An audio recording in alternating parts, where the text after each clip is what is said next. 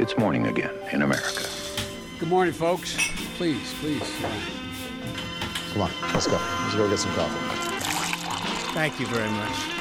God morgen. Det er onsdag 1. november, og morgenkaffen fra amerikanskpolitikk.no er servert. Tirsdag kveld ble minst åtte mennesker drept og flere skadet etter at et kjøretøy kjørte ned flere fotgjengere på en sykkelvei i Manhattan i New York.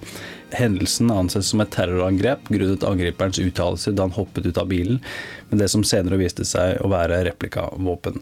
Gjerningsmannen skal være en 29 år gammel mann fra Usbekistan som har bodd i USA siden 2010. Han er nå satt i varetekt, og borgermesteren i New York, Bill de Palacio, demokraten, fordømte raskt angrepet sammen med guvernør Andrew Cuomo. President Trump var også tidlig ute med å fordømme angrepet.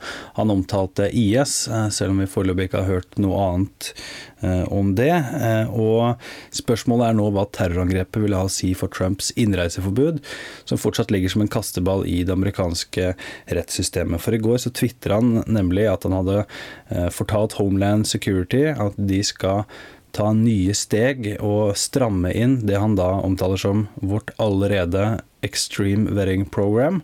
Eh, han sier det at det å være politisk korrekt er fint og greit, men ikke i en sak som dette. Eh, og Homeland Security besvarte jo da spørsmål fra journalister ved å henvise dem tilbake til Det hvite hus. Så hva det her egentlig betyr, og hva slags eh, reelle endringer som eh, eventuelt måtte komme etter det her, det gjenstår å se. Men Trump har jo i hvert fall da benyttet denne saken til å understreke viktigheten av dette innreiseforbudet. I dag skulle egentlig republikanerne ha publisert sin eh, skattereform og detaljene i den, eh, men det har nå blitt utsatt til i morgen, til torsdag. Eh, og grunnene til det er jo mange og sammensatte.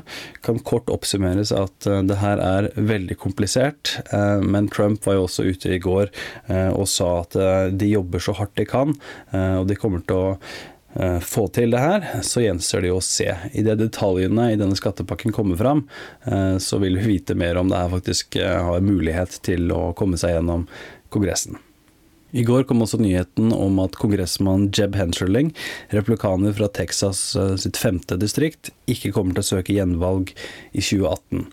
Og tallet på replikanere som ikke søker gjenvalg i huset i 2018 er nå oppe i 11.